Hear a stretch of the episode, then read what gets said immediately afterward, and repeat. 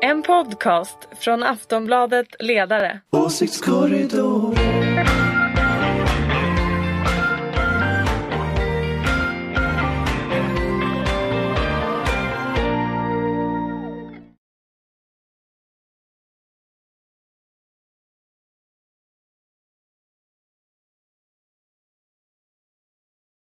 Hej och välkomna till Åsiktskorridoren. Vi närmar oss slutet av april men vi närmar oss tyvärr inte slutet av coronakrisen. Möjligen kanske vi, slut, vi närmar oss slutet på början av coronakrisen.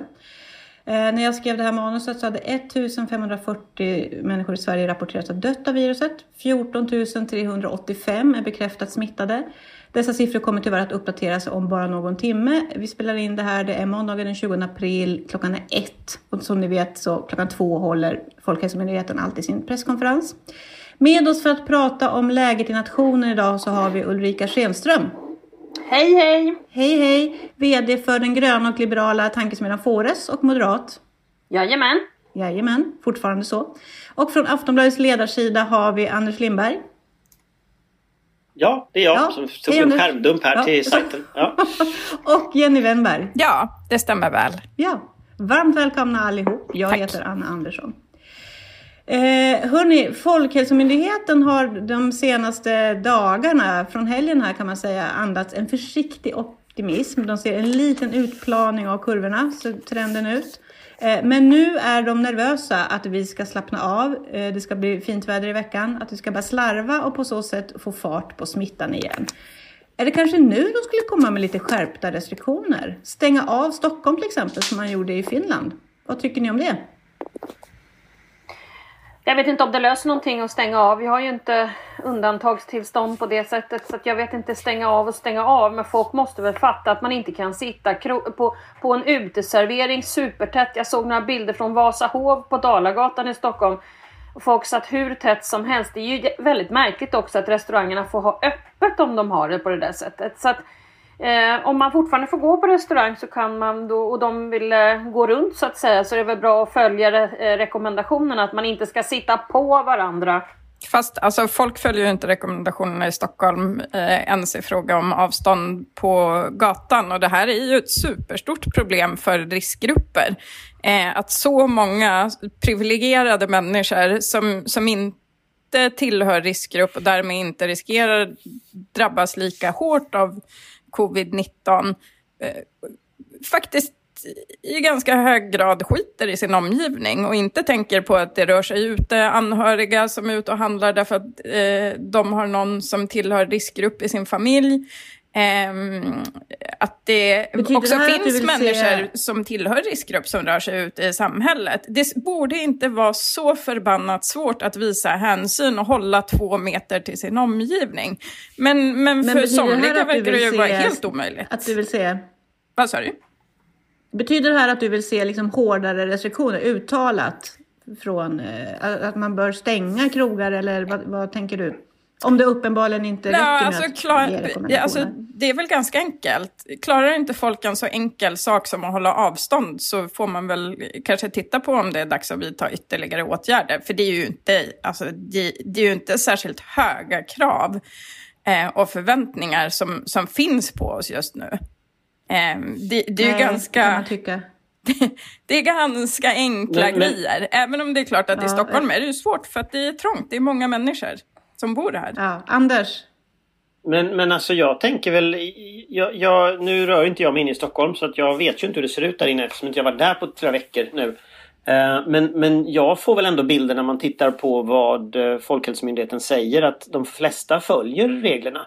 Och, och tittar man på, på till exempel det här med utresandet ur Stockholm under påsken det hade väl minskat med 90, över 90 procent. Så det, det är ju klart att jag, jag tror ju ändå de allra flesta följer det. Sen tror jag ju att man behöver helt enkelt statuera exempel mot de som inte gör det. Alltså slå igen några krogar på, på, på, på Stureplan. Eh, förbjuda dem att öppna, sätta upp en sån här skylt. Smittskyddsläkare har stängt det här stället. Sen tror jag det kommer att vara jättefin efterföljan av reglerna eh, från andra. Men alltså, te- Eh, men, sen är, men sen är det nog så tror jag, och det, jag, jag tror att det är ganska viktigt att man också är tydlig i kommunikationen här. Alltså alla uppgifter om att det här är över är falska. Om man ska travestera lite MSBs broschyr eh, om kriget och krisen, krig, krisen och kriget kommer. Alltså det, det, det finns en en sån dragning tillbaka till det normala. Den är så oerhört stark. Mm, och nu kommer Att- vårsolen också. Ja, att jag tror att det är jätteviktigt att man är tydlig med att det här är inget normalt läge. Och det kanske är så att UD skulle ta och förlänga reseförbudet till exempel över hela sommaren. Att folk slutar tro att de kan ut och resa. Alltså den typen av saker som redan finns men som kan förlängas. Mm. Ulrika? Nej men alltså, så här. Alltså jag tror ju faktiskt att Anders har rätt. Alltså någonstans har ju stockholmarna gjort någonting rätt här. Men det man kan vara orolig för är att de ska göra fel. Och jag tycker faktiskt att man kan eh, trycka till de typer av restauranger som inte följer eh, rekommendationerna och stänga dem. Eller, eller åtminstone se till att de Ja, jag vet inte vad som är bäst psykologiskt faktiskt. För, ja. men, men, eh, men de bilder som man har sett. Sen kan jag ju i och för sig säga då att jag har goda vänner på Facebook som också har varit ute och gått i Stockholm där det är totalt, totalt tomt. Så att det är ju också en vinkel på. Och, jag menar, är det så att de här på, på Dalagatan eller någon annan restauranger eller någon på Söder och det var Stureplan man såg och sånt där. Ja, då får de väl ta ner dem. Men jag tror att nu får man ju inskärpa ännu större eh, ton tror jag, en högre ton att så här, vi har sagt att det är bra att vara ute och promenera och röra på sig. Det betyder inte att ni ska liksom hänga ute hela tiden, hänga på varandra och förstöra det här bra, den här bra situationen som vi ändå har kommit i. Mm. Jenny? Alltså, eh, de här uppgifterna från påsk är ju ganska gamla numera. Eh, vad man har kunnat se de senaste dagarna, eh, jag tror det var Svenska Dagbladet som hade beställt uppgifter från Telia, är att eh, det är väldigt många fler som börjar åka in till centrala Stockholm nu för att shoppa och äta och, och göra det, det folk gör ehm, när man är ledig och, och vill vara social. Ehm, Ehm, Men kan, kan det inte vara så att det har börjat infinna sig en känsla av normalitet? Att liksom, vi har vant oss vid det här och då tänker man att man slappnar av helt enkelt. Och det var det jag var lite ute efter, om det kan finnas en poäng i att då, nu då gå ut med någon slags skärpning av restriktionerna. Ja, i alla fall tonen. jag, jag, det måste ju, men det måste ju vara knutet till ett faktiskt behov av att skärpa restriktionerna. Alltså jag tycker snarare det ser ut som att Sverige behöver fler hypokondriker. Alltså man behöver ha liksom själv ta ett ansvar och ta ett avstånd liksom. Eh, och och det, det verkar ju som att folk tror att de är odödliga. Eh, och det, då hjälper ju liksom inga hårdare restriktioner mot det heller. Så, så, att, så att ska man vidta lag, alltså lagstiftning att man ska så, stänga köpcentrum eller den typen av saker. Då måste det finnas liksom sakligt grundade skäl till det. Och då tror jag ju det är bättre att liksom smittskyddsläkare i Stockholm har redan den befogenheten att stänga de här krogarna. Stäng igen några högprofilerade krogar så de går i konkurs. Eh, och och så, så, så kommer andra att följa efter. Det är en jättebra metod. Nej men det är en jättebra metod. Eh, jag menar, Det bara ingen- det att du sätter upp en skylt på krogens dörr där det står stängt enligt smittskyddslagen. Jag, jag lovar alltså, det, det, det, det kommer att ha en, en, en, en enormt avskräckande effekt. Men de har, inte, de har inte valt liksom kanske riktigt den strategin än. Men de, det är ju bara att de gör det. Det är Ja. inom lagen för va- vanliga, den vanliga lagen som gäller. Nu, nu vill Jenny komma in. Ja, det är skönt att Anders Lindberg är så himla förnuftig. Ehm, jag håller helt med. Det är väl inget konstigare än att, att- att man så här, rycker serveringstillståndet för, från krogar som inte klarar av att följa det regelverk som finns och serverar människor som är uppenbart berusade. Ehm, så att det, det är väl någon form av eh, gyllene och ganska tilltalande medelväg som Anders förespråkar här. Apropå hårda restriktioner Men vet berusad vi, är det väl ingenting som är olagligt. Men sitta nära är väl en annan sak. man får vara hur full man vill bara man inte Nej, sitter man på får ju inte Precis. det. Enligt svensk, svensk lag så får du ju inte... Du, du, får, du får inte servera människor på krog som är uppenbart berusade. Nej, jag vet, jag skojade Nej, lite. Men en Det del reagerar oväntat hårt på alkohol, man kan aldrig veta. Men hörni, vi ska bara säga så här att eh, apropå hårda restriktioner så vet vi ju att våra nordiska grannar har ju haft mycket, stängt ner sina samhällen mycket mer. De ska nu, Norge och Danmark ska nu börja öppna lite försiktigt. Eh, vad kommer ni att titta på nu när de börjar lätta på sina restriktioner där? Vad tycker ni är mest intressant? hur många som drabbas av viruset naturligtvis. Och se om det funkar. För det där får man ju skruva försiktigt tillbaka. Det har man ju lärt sig nu. Antingen skruvar man ner och sen är det lika problematiskt att skruva upp. Men jag tänker att det man ska titta efter det är väl liksom De måste ju testa väldigt mycket om de gör det där. Eh, För du, du, måste, du kan ju inte liksom titta på antal döda om fyra veckor för att se om det funkar. Utan du måste ju på något sätt se hur många som, som blir infekterade nu. Och då måste du ha ganska omfattande testning kopplat till och så får du mäta de olika åtgärderna du gör mot testningen. Alltså går det dramatiskt upp och du tappar kontrollen då, då, då, då och det finns ju tecken i Asien tyvärr på att det finns en så kallad andra våg som mm. kommer. Singapore eh, det är klart att stänga ner igen. Ja, nej, alltså det, det, det, är ju, det är ju svårt. Det, det, här skiljer ju svenska strategin från andra länder. Att här har man liksom snarare tänkt från början att det ska vara långsiktigt.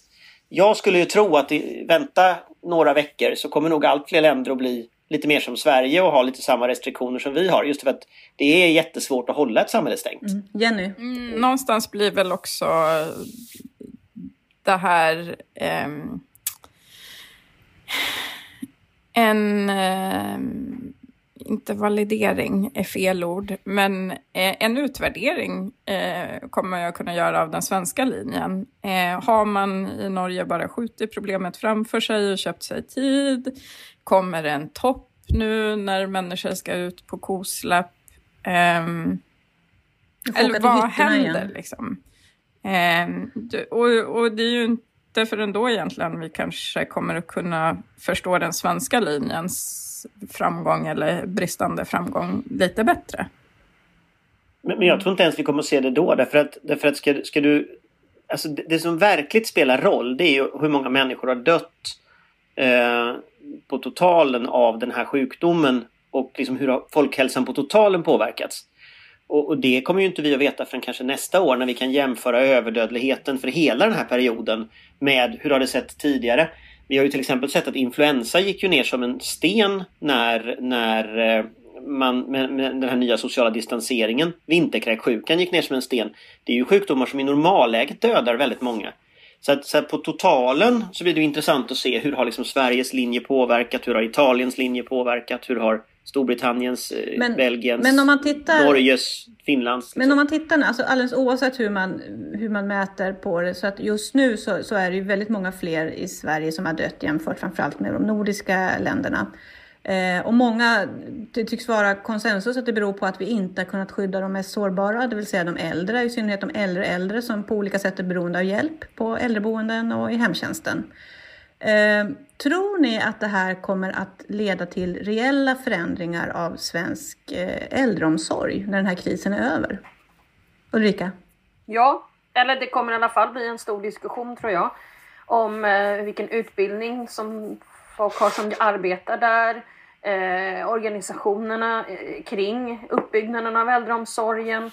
Eh, jag tror det kommer bli jättemycket diskussioner om det här, om hur vi tar hand om våra äldre. Det har jag visserligen förutspått tidigare och sagt många gånger i den här podden. Det kom lite snabbare än jag trodde. Mm. Jenny? Mm, ja, alltså det måste du ju göra. Vi har ju eh, ryckt bort eh, närmare 40 000 platser sedan 00-talet från äldreomsorgen. Du måste idag vara extremt svårt sjuk eh, och hjälpbehövande för att överhuvudtaget vara aktuell för en boendeplats. Eh, vi har eh, personalbrist. Eh, vi har en generell resursbrist eh, som, som inte det handlar om att människor inte har tillräckligt med utbildning nödvändigtvis, utan att de har inga förutsättningar för att göra ett bra jobb. Det, det, här är ju en verklighet. Har du haft en människa i din närhet som har haft hemtjänst eller, eller, eller en plats på ett boende, så vet du vilken jävla vidrig och brutal verklighet de de står och, och kämpar i, de som jobbar inom omsorgen. Det här är en av de stora framtidsfrågorna. Vi har över två miljoner eh, över 65 i Sverige och vi har tidigare pratat om att här, det här kanske går att lösa genom teknisk eh, utveckling. Eh, men, men jag tror att så här, kommer det någonting positivt ur coronakrisen så är det att vi faktiskt måste börja omvärdera hur vi har prioriterat i samhället och vilken typ av organisation vi har byggt upp inom omsorgen generellt. För det funkar inte. Funkar det inte i vardagen så funkar det inte i kris. Det är, du behöver inte vara liksom... Ehm, ja, du, du, behöver inte vara omsorgsforskare för att fatta att det här är, det här är inte ett hållbart system. Mm. Anders? Jag, jag, tror, jag tror att det finns ju... Jag tror att det är tre områden som den svenska linjen eller svenska strategin har brustit på. Eh, äldreomsorgen är ett av de områdena. Det här med att en så stor andel med, med eh, utomeuropeisk bakgrund har drabbats i vissa områden. Eh, framförallt runt Järva är ett annat sånt där område som där har vi misslyckats. Eh, och ett tredje område är ju helt enkelt den här bristen på skyddsutrustning och bristen på mediciner. Och alla de här tre sakerna hänger ju ihop med liksom hur samhället är organiserat. Eh, och det gör att jag tror ju att, att liksom, ska vi göra någonting åt eh, äldreomsorgen, ja då måste vi organisera om den. Och då tycker jag vi ska titta på Norge. I Norge så är den mycket, mycket mera organiserad i form av sjukhem och, och den här typen av liksom sönderprivatiserade verksamheter som vi har här där det är väldigt svårt att få överblick. Det har man inte på det samma sätt. Men jag tycker vi ska titta på de som har lyckats och så ska vi se eh, hur det funkar. Mm. Och då verkar det ju handla om personal med utbildning, språkkunskaper verkar ha brustit i det här fallet, skyddsutrustning, eh, men också liksom hur verksamheten är organiserad. Tittar vi på det andra området, om vi pratar, pratar om, om de här grupperna, Järva och, och så, då handlar det ju väldigt mycket om klassklyftor. Och det ser vi från USA också att, att klassamhället syns väldigt tydligt i statistiken vilka som dör i, eh, i covid-19. Eh, och då är det ju klassamhället vi måste göra något åt. Och tittar vi på det här med beredskapen, ja vi behöver återupprusta ett totalförsvar som funkar.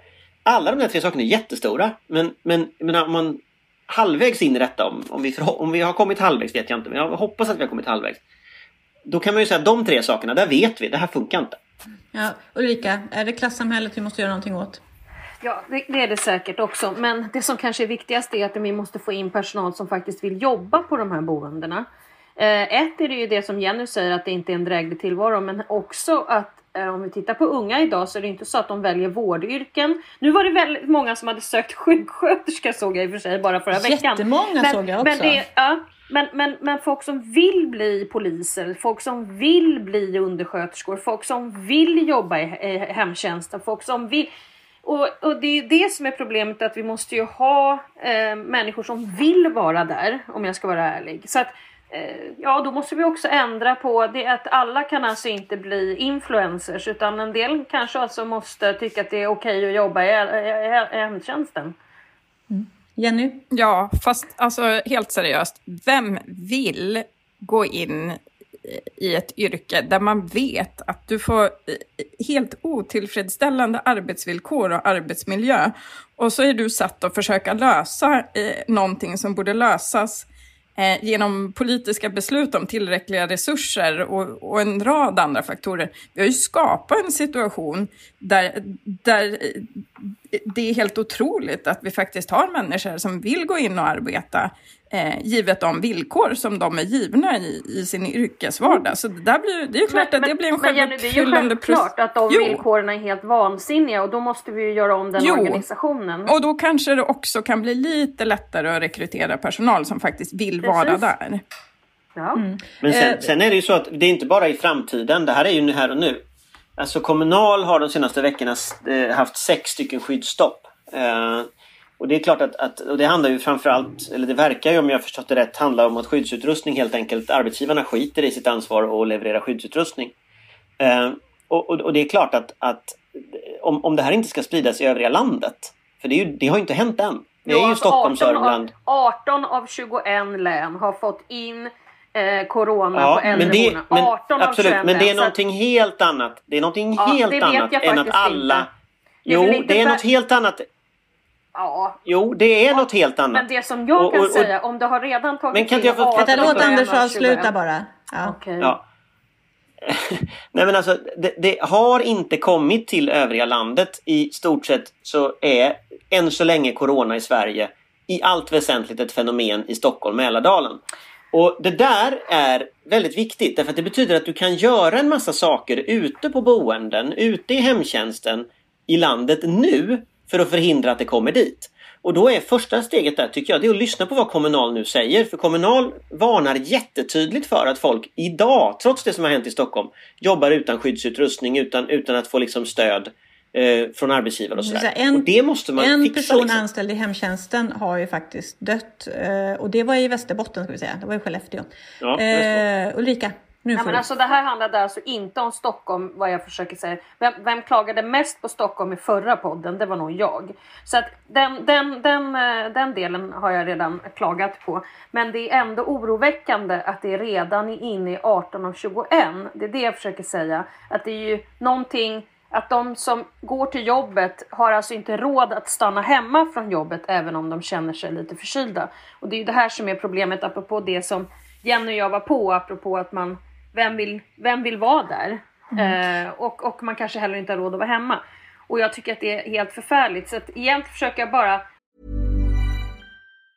Tired of ads barging into your favorite news podcasts? Good news. Ad-free listening is available on Amazon Music for all the music plus top podcasts included with your Prime membership. Stay up to date on everything newsworthy by downloading the Amazon Music app for free or go to amazon.com slash news ad free. That's amazon.com slash news ad free to catch up on the latest episodes without the ads. trycka än mer på hur viktig den här frågan är just nu men också framöver. Eh, Får jag, bara, där jag undrar jag bara faktiskt en sak. Men sak. där undrar jag en sak som faktiskt är ganska intressant med regeringens arbete. För man har ju tagit bort karensavdraget. Men i hemtjänsten så är ju människor i regel timanställda. Yes, eller väldigt stor andel är så. timanställda. Eh, Och är du timanställd så har du ju bara den sjuklön du har av överenskomna timmar med arbetsgivaren. Exakt. Vilket i, i regel är noll eller väldigt lite. Frågan är om inte regeringen skulle gå in och erbjuda något system för sjuklön eh, för alla de här människorna. Det är bara en väldigt konkret liksom, förändring. Så att de kan vara hemma när de är sjuka. För just nu säger vi åt alla timanställda i äldreomsorgen att vara hemma när de är sjuka. Men Har de inte råd med de, de, nej, för de Jag vill, ska göra det också gratis. säga, jag vill också säga att Aftonbladet hade en artikel igår, en undersköterska i hemtjänsten berättade att hon hade då sjukskrivit sig för att hon hade symptom. Och sen visade det sig att det här, man säger att karensdagen är borta, men det var ju inte borta utan det man erbjuder en schablon som inte täckte alls upp det som föll bort från hennes lön. Och vad är det, 700 kronor? eller vad 700 det var? spänn. Och Då skulle jag säga att det här är en undersköterska med en grundlön på 24 000 som alltså inte ens ersattes upp. Så att det där kan man väl också diskutera vad som faktiskt ersätts. För det är ju sagt, som du säger, det är livsviktigt att de här människorna stannar hemma om de är sjuka. Ja, och där, där kan man ju fråga vad regeringen gör. Alltså varför man inte tar tag i det. För här vet vi ju nu. Den här smittan kommer att spridas på äldreboenden i hemtjänst i hela landet. Eh, de borde ju nu gå in och säga men vi garanterar sjuklön. Den, baserat på den SGI du hade så får du sjuklön. Punkt. Eh, Ulrika, jag vill bara ställa en fråga till dig. För att mycket av kritiken från vänster, och Jenny har nämnt det här, så förlåt, det var kanske Anders som nämnde det, att, eh, att det är en stor skillnad mellan Sverige och Norge, att vi har så mycket mer privata, liksom en mer fragmentiserad äldrevård i Sverige, vilket gör styrningen svårare. Tror du att det är någonting som kan komma att förändras eh, efter den här krisen? Ja, jag har faktiskt ingen aning. Jag har ingen koll alls på hur äldrevården ser ut i Norge eh, överhuvudtaget. Så jag, jag kan faktiskt inte svara på det. Men det är klart att det kommer att bli en sån diskussion. Och det handlar ju om någonting som vi har tjatat om i den här podden länge. Att regleringar, om man gör, om man knoppar av verksamheter och inte har tillräckligt mycket fokus på regleringar och regler i äldreomsorg och i vårdapparaten. Till exempel på det sättet som vi har med banker och finansiella institut. Ja, då kommer det inte gå bra. Det här har jag tjatat om hur länge som helst. Och många av er vet att, att an, eh, Anders Borg tillsatte en sån utredning som sen bara handlade till slut om vinster i välfärden. Eh, den som sen blev Reepalu var Eva Lindström-utredningen från början. Och det där är ju extremt viktigt att man har lagar och regler och, och, och för hur sådana här företag ska eh, ledas, vilka som sitter i styrelsen, hur det, och, vilka, och vilka krav man måste uppfylla. Så det är ju självklart. Men den här disk diskussionen har ju funnits ett tag men kanske inte varit så stor så den lär ju bli gigantisk efter det här, absolut. Bra Hörrni, i så fall. Vi ska gå vidare. Eh, I Dagens Nyheter idag så är Ulf Kristersson, moderatledaren, eh, ger en stor intervju där. Han får frågan om han tror att efter den här krisen, om styrningen av krisberedskap och sjukvård kommer bli ett nationellt ansvar. Och det säger han absolut att det kommer bli, absolut, inklusive sjukvården. Eh, tror, ni, tror ni också det? Jag tror att han, jag tror inte han menar vad han säger. Jag tror att vad han menar är att, att eh, det här liksom diskussionen som Moderaterna har ägnat sig åt ett tag om ett nationellt säkerhetsråd med lite mer muskler och en krishanteringsfunktion kopplat till statsrådsberedningen med mycket mer muskler än vad det finns idag. Det är nog det han pratar om. Eh, Jag tror inte han pratar om att här, riva upp ansvarsprincipen och säga att liksom staten ska driva all sjukvård i Sverige. Eh, och, och det, det, finns, jag ska säga så här, det finns poänger med Moderaternas förslag. Ja, det, det, det, det, har, det finns ett problem i det svenska styrningssystemet med att ansvarsprincipen betyder ju att en myndighet är ansvarig i kris eh, för det den är ansvarig för till vardags. Men det är klart att det finns ingen riktig samordningsfunktion mer än regeringen och regeringskansliet. Och det där är lite knepigt. MSB, när myndigheten bildades, då funderade man på att man skulle ha liksom mer av samordning där. Nu blev MSB mer ett, liksom ett rådgivande liksom, organ. Eh, men, men det är inte helt självklart att inte liksom, man ska ha mycket mer skarpa beslutsvägar. Eh, även i detaljbeslut. Och, och jag tror ju att det riktiga motivet till den här fullmaktslagen, bemyndigandelagen som kom i helgen. Det är det. Nämligen att, att du kan inte gå in och peta i så mycket detaljer som en regering behöver kunna peta i eh, i en kris. Eh, och det där tror jag är en grej efter det här. Att vi funderar på, vi kanske ska ha någon civil form av höjd beredskap. Höjd beredskap är ju vid krigsfara. Då aktiveras massa saker. Det kanske behövs någon civil form av det som går att liksom aktivera. Eh, för det har inte funnits i vårt system. Ulrika, och jag tror att Moderaterna är inne i den liksom. Ja, okay. Moderaterna, Moderaterna är nog inne i den igen. Alltså när vi kom in 2006 så insatt, tillsatte vi ju en sån efter det här tsunamidebaclet. Vilket, eh, men det är ju jättesvårt i den svenska, eh, hur vi är uppbyggda och sådär, göra den här samordningen. För att alla börjar ju bråka med alla då. Alltså Säpo, Must och alla de andra. Så att det där är ju en väldigt knepig Eh, och som Anders säger, en ganska svår grej att få samman eh, eftersom ja, alla går sina egna ärenden så att säga. Eh, men det är säkert det. Och har man tittat på, på det igen då eh, kanske. Det kan vara det som de tänker sig. Jag vet inte. Mm. I samma intervju så säger Ulf Kristersson att han tycker att regeringen gör för lite för näringslivet just nu. Att man bör gå in med mycket bredare insatser. Eh, Medan regeringen vill ha större träffsäkerhet. Eh, det verkar vara en annan balansfråga här. Snabbhet och enkelhet som Moderaterna förespråkar eller mer träffsäkerhet som regeringen och deras eh, underlag vill ha. Vad, vad, hur tänker ni runt det här? Ulrika viftar. Alltså jag tror att Moderaterna har lyssnat väldigt mycket på våra väldigt skickliga och bra nationalekonomer som säger eh, “keep the lights on” eh, och tryck in väldigt mycket på en gång. Eh, men jag tror att frågan är mer komplex än sådan för jag tror även det finns en säkerhetspolitisk aspekt på det här. Att eh, när börsen går ner, våra bolag blir billiga, att man inte vill ha in eh, ja, eh, Eh, stater som börjar köpa upp våra företag och så vidare, framförallt basindustrin eh, kan ju vara en bakomliggande. Det var en eh, debattartikel av Erik, ehm, vad heter Erik, tidigare finansministern Erik Åsbrink. Åsbrink, förlåt. Erik Åsbrink eh, skrev en debattartikel om detta i DN för några veckor sedan just om, om faran i, i, i att få in auktoritära stater som börjar köpa upp svenska företag. Ja, EU det kan vara en grej som ligger bakom. Jag tror att frågan är väldigt komplex. Eh, vi satsar väl, eh, vi har väl 500 miljarder vi kan satsa. Vi har väl satsat ungefär 100-150 miljarder.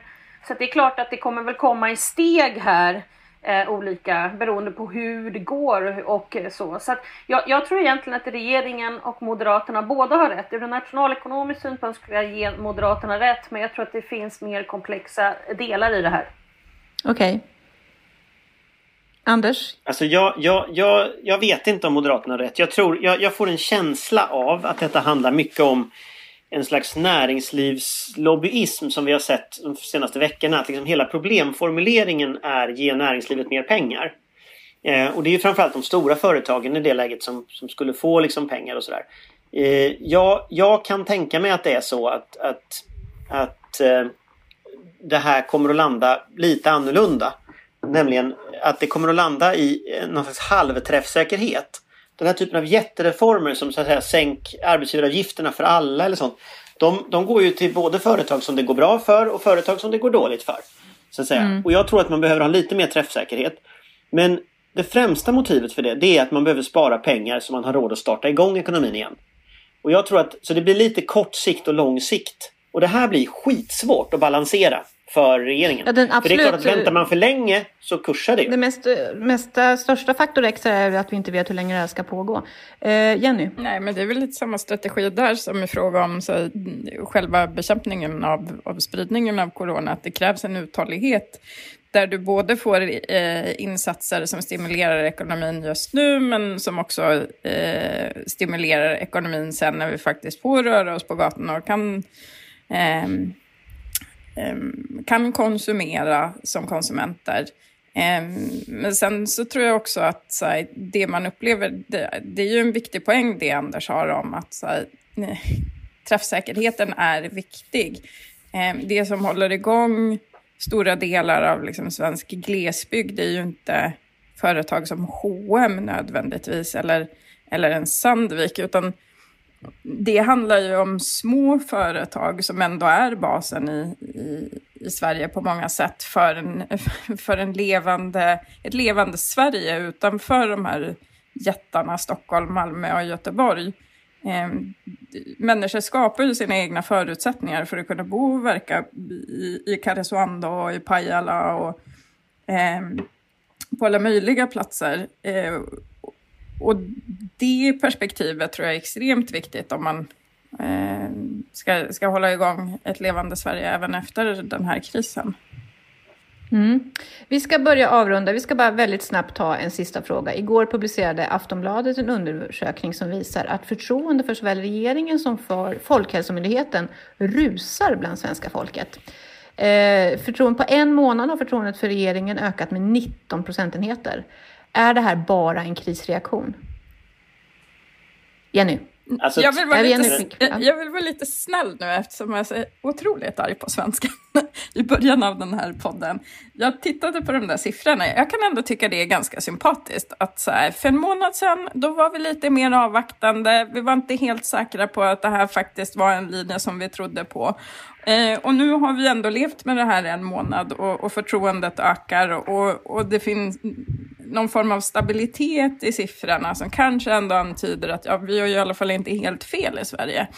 Eh, sen så finns det ju alltid en faktor i kris av att man gärna stöttar man vet vad man har men inte vad man får och då är det, det är väl klart att Anders Tegnell och hans tröja är en trygghet precis som, som eh, Stefan Löfven eh, och regeringen. Det är, eh, även, även om det, och jag tycker också det är bra att vi har en opposition som faktiskt opponerar eh, mot regeringen. Det är otroligt viktigt för demokratin. Eh, men jag har väl alltid varit åsikten eh, att Stefan Löfven är bra när det verkligen gäller. Eh, och det här är väl ett utfall tror jag av det. Mm. Ehm, att Anders? man faktiskt uppfattar honom som en stabil och trygg röst i den här krisen. Nej, men jag tror att det är ganska mycket en... Alltså det är ganska mycket en Anders Tegnell-effekt. Men det är också ganska mycket en Stefan Löfven-effekt. Eh, och jag tror att nyckeln till alltihopa det här det är att regeringen från början sa att vårt svar på krisen ska vara evidensbaserat. Det ska bygga på vetenskap. Det ska bygga på expertmyndighetens bedömningar. Och sen har man ganska konsekvent hållit sig vid den traditionella svenska linjen för krishantering. Man har litat på människor, man har haft frihet under ansvar som princip, man har försökt förklara snarare än tvinga folk. Och det där tror jag funkar långsiktigt. Eh, och jag tror att det är, liksom, eh, det är någonting människor har förtroende för. Kommer det här att vara efter att krisen är slut? Nej, det tror inte jag.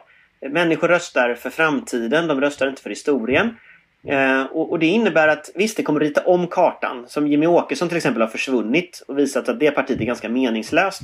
Det är klart att det, kom, den känslan kommer säkert att finnas kvar i delar av befolkningen att det där var ingenting. Liksom så, va? Eh, de bara försvann när det blev kris, liksom, som en, drogs med en avlöning. Men däremot så tror jag ju att liksom, jag tror att både Socialdemokraterna och Moderaterna kommer att stärkas på sikt av det.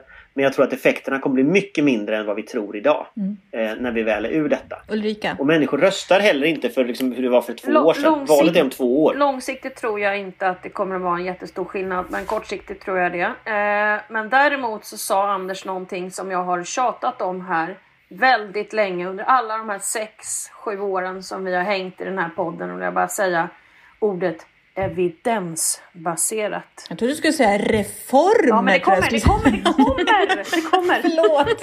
Svenska folket har fått upp ögonen för evidensbaserade reformer och vetenskap och forskning. För det är det bästa att vända sig till i både kris och utveckling. Helt enkelt evidensbaserat är den nya svarta. Det får bli sista ordet för den här veckan. Eh, tack Ulrika Schenström, Anders Lindberg, Jenny Wennberg. Eh, var rädda om er, Tack, var tack. rädda om varandra och så hörs vi igen nästa vecka. Ah, ah, tvätta Hej händerna! då! Hej hej!